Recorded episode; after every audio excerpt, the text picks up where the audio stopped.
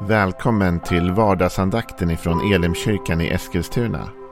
Det här är en podcast som kommer ut måndagar till fredagar. Om du vill veta mer om vilka vi är, vad vi tror på, hur du kan komma i kontakt med oss eller vad vi kan erbjuda dig för någonting så gå in på www.elimkyrkan.com. Får jättegärna gå in och likea vår Facebook-sida. Det är facebook.com elimeskilstuna. Eller så söker du upp oss på YouTube och då söker du på Elimkyrkan Eskilstuna. Vi vill jättegärna komma i kontakt med dig. Men nu lyssnar vi till dagens andakt. Välkommen till ytterligare ett avsnitt av vardagsandakten. Vi håller på och talar om Paulus ifrån hans brev till församlingen i Filippi. Som han skriver från en fängelsecell. Och vi har valt att kalla den här veckan och förra veckan för lärdomar från ett fängelse. Och det som är intressant med Paulus attityd här, det är att det är en attityd av glädje. Gång på gång så uppmuntrar han Filippierna att vara glada och glädja sig. Detta trots att han själv sitter i en fängelsecell. Där han sitter eh, orättfärdigt så att säga. Han har inte gjort något fel. Han har bara förkunnat evangeliet om Jesus. Men det skapade ju oreda och romarna och allt. Judarna var också oroliga för detta. Så in med honom i fängelse. Paulus väljer att fokusera på glädje. 19 gånger nämns glädje i Filipperbrevet. Och i den text vi ska läsa nu så nämns det två gånger direkt i början. Och vi läser från Filipperbrevet 4 och vers 4 framåt. Gläd er alltid i Herren. Än en gång vill jag säga gläd er. Låt alla människor se hur fördragsamma ni är. Herren är nära. Gör er inga bekymmer, utan när ni åkallar och ber, tacka då Gud och låt honom få veta alla era önskningar. Då ska Guds frid som är mera värd än allt vi tänker ge era hjärtan och era tankar skydd i Kristus Jesus. Och så, mina bröder, det som är sant, det som är upphöjt, rätt och rent, det som är värt att älska och akta, allt som kallas dygd och allt som förtjänar beröm, ta fasta på allt detta. Vad ni har lärt och tagit emot, hört och sett hos mig, det ska ni göra. Då ska fridens Gud vara med er. Gläd er alltid i Herren. Än en gång vill jag säga, gläd er. Det här är alltså sagt av en människa som är inlåst. Och vi har ju sagt det många gånger nu, men du och jag kanske inte hamnar i fängelse. Men vi kan bli inlåsta i livet. Situationer, omständigheter, saker som händer. Som gör att vi inte har den rörelsefrihet vi vill ha. Vi känner oss inte fria. Vi känner oss tvingade, tvungna. Vi känner oss bundna av allt och alla. Och vi har inte en frihet. Här säger Paulus att vi ska glädja oss och glädja oss igen då. Och låt alla människor se hur fördragsamma ni är. Alltså att vi kan stå ut, orka. Och hur kan vi stå ut och orka och vara fördragsamma, ha överseende och tålmod? Jo, Herren är nära. Så med andra ord, du och jag, vi finner vår styrka i att Herren är nära. Och det är så Paulus börjar. Gläd er alltid i Herren. Och när vi lever med den insikten att Gud är med oss i svårigheterna. Då finner vi trygghet. Och då kan vi också vara eh, då för, eh, fördragsamma. Det blir i sig ett vittnesbörd. Du vet, när Paulus sitter där i fängelset så är han ju inte ensam. Utan det är ju massa människor där. Inte för samma sak som han kanske. Och en del kanske är brottslingar som, som förtjänar att sitta inlåsta. Då. Men du vet, alla spanar ju på alla. Och alla där ser ju hur Paulus beter sig. Och hans fördragsamhet och glädje mitt i den svåra situationen blir ett vittnesbörd om Gud. Det blir ett vittnesbörd om att Paulus har någonting i sitt liv som de inte har i sitt liv. En fördragsamhet som kommer ur relationen med Gud. Herren är nära. Och jag kanske behöver säga det till dig som känner att livet är jobbigt idag. Som känner att du sitter fast idag. Som känner att du sitter låst då. Och du inte har frihet. Gud är nära dig. Herren är nära. Du är inte ensam. Jag vet att det känns så ibland. Jag vet att vi hamnar i tankar som säger oss att nu har Gud glömt mig eller övergivit mig.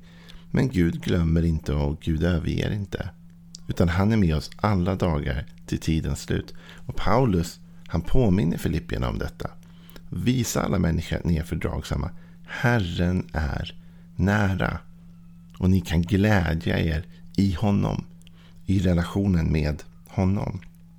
Så du och jag, vi får ha vår glädje, vår fördragsamhet, vår tålmodighet i honom. Men sen kommer vi kanske till det som jag vill göra som ändå nyckellärdomen ur den här texten idag till dig och mig. Lärdomen från ett fängelse idag. Gör er inga bekymmer. Utan när ni åkallar och ber, tackar då Gud och låt honom få veta alla era önskningar. Det där är ju en märklig vers. Gör er inga bekymmer. Och återigen måste vi landa i vem det är som säger detta. För ibland kan man ju höra en predikant eller någon säga att ja, men Bibeln uppmanar oss att inte göra oss några bekymmer. Och så kanske man sitter och lyssnar och tänker, ja det är ju lätt för dig att säga, det ser ut som att ditt liv funkar ganska bra. Så här du vet, du har det ju bra. Men vem är det som säger till oss att vi inte ska göra oss bekymmer? Det är Paulus. Och han sitter i en fängelsecell. Han om någon har ju bekymmer. Han har redan antytt i brevet tidigare att det finns de utanför fängelset som försöker göra livet svårare för honom. Genom att på ett falskt sätt förkunna Kristus. Och Paulus har fått säga ensam till det. Han kan inte göra något åt det. Och nu säger han, hörni, bekymra er inte. Jag tror det är en viktig distinktion här. När vi åkallar och ber så ska vi inte bekymra oss. Och, vet du, det handlar inte om att inte ha bekymmer. Utan att bekymra sig. Du och jag kommer aldrig landa i ett liv där vi inte har bekymmer. Bekymmer är en del av livet. Och Paulus, han hade ju sannerligen bekymmer. Men han bekymrade sig inte när han bad till Gud. Det här är en fokusfråga. Han säger så här, bekymra er inte. Han säger så här, när ni åkallar och ber, då ska ni tacka Gud och låta honom få veta era önskningar. Så han säger, fokusera bort från bekymret och gå in i tacksägelsen och gå in i att uttrycka era önskningar inför Gud.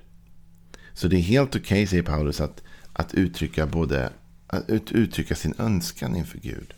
Och när vi gör det, då säger vi ju vad vi, vad vi längtar efter, vad vi behöver.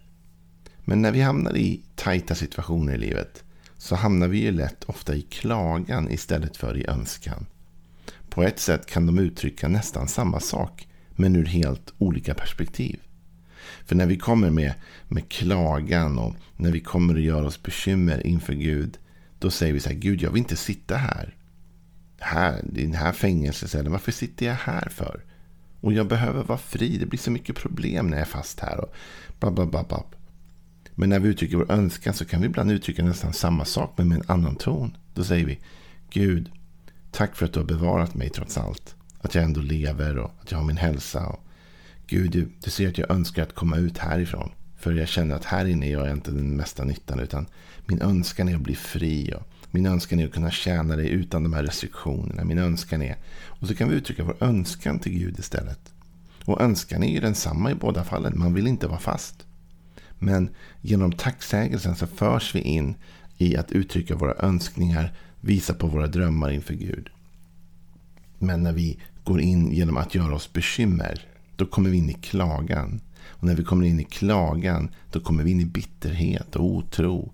Då går vår bön så här istället. Gud, hur kom, hur kom det sig att jag hamnade här? Och kunde inte du ha skyddat mig från att hamna i fängelset? Och jag måste säga att jag känner mig besviken på dig, Gud, att jag är där jag är. Och så kommer vi in i en klagan som leder till en bitterhet som faktiskt i slutändan leder till en otro. Jag vet inte ens varför jag ber för det. Jag bad och nu, jag sitter ändå fast. Men när vi går in i tacksägelse till Gud, då fokuserar vi först på det goda Gud har gjort. Tack Gud för att du har räddat mig så många gånger tidigare. Tack Gud för att du har gett mig min hälsa. Och tack Gud för att jag lever. Och tack Gud för att det finns en väg ut ur detta. Även om jag inte ser den just nu. Vi går in i tacksägelse. Och så säger vi tack Gud för att du är vår glädje. Även i de här jobbiga situationerna kan jag känna en glädje i hjärtat.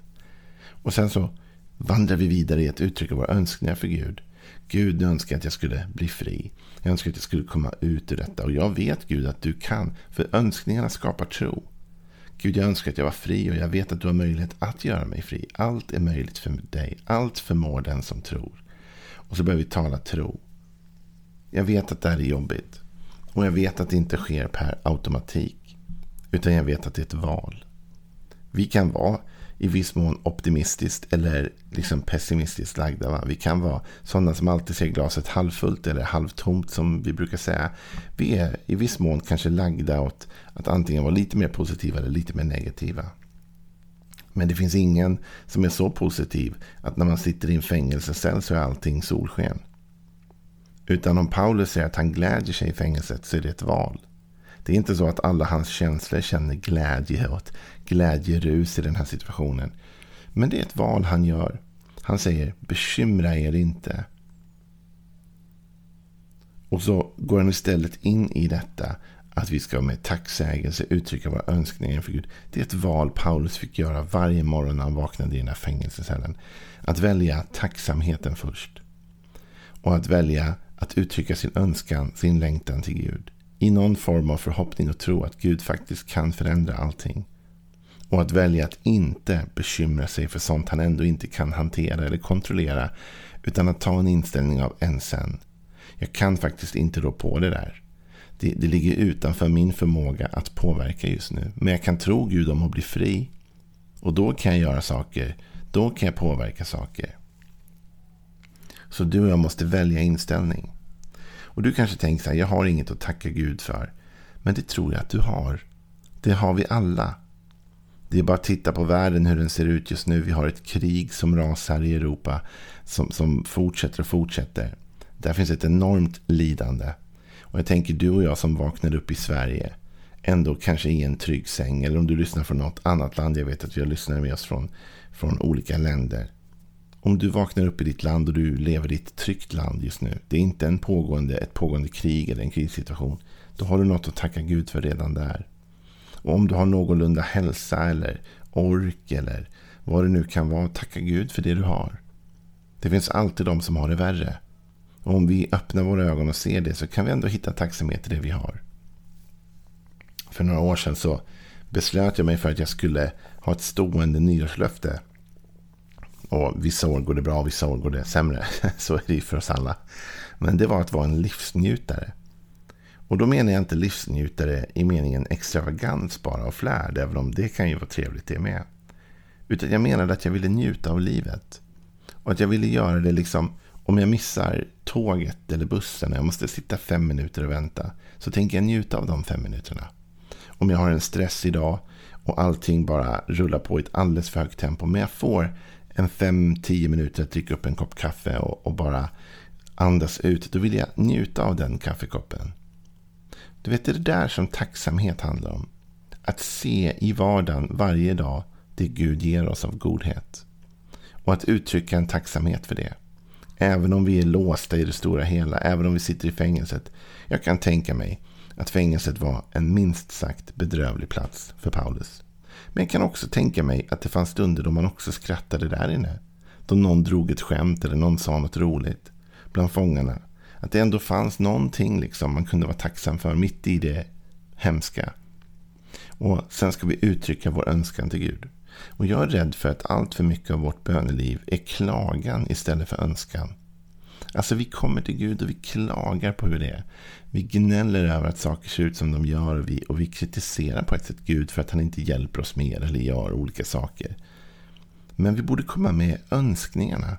Vi ska göra våra önskningar kända inför Gud. Vi ska berätta vad vi längtar efter, vad vi drömmer om, vad vi hoppas på. Det blir en sån mycket mer positiv klang och ton i vårt böneliv när vi kommer med våra önskningar och drömmar än när vi bara kommer med klagan och, och irritation och bitterhet och otacksamhet i viss mån. Så Paulus lärdom idag är detta. Gör dig inga bekymmer. Lägg inte mer på denna börda än vad det är. Jag sa inte att du inte kommer ha bekymmer. Du kommer ha bekymmer. Och du kanske har bekymmer just nu. Jag har en del bekymmer i mitt liv. Men vi behöver inte göra oss mer bekymmer än de som finns där. Och vi kan välja att istället när vi går in i åkallan och bön som Paulus säger. Så går vi in i en attityd av tacksamhet. Även om livet är svårt just nu. Så väljer vi tacksamhet. Vi väljer att se det goda. Vi lägger vårt fokus, vårt krut på det positiva. Och så tackar vi Gud för det. Och så börjar vi uttrycka istället vår önskan, vår längtan om att bli fria. Vår längtan efter vad det nu är vi längtar efter. Vår framtid, vår karriär, vår relation, vårt, vad det nu är. Vi uttrycker längtan, önskan. Då säger Paulus, kommer Guds frid som är värd mer än allt annat att vara med oss och i oss och verka genom oss. Ha en välsignad dag. Vi hörs imorgon igen. Hej då.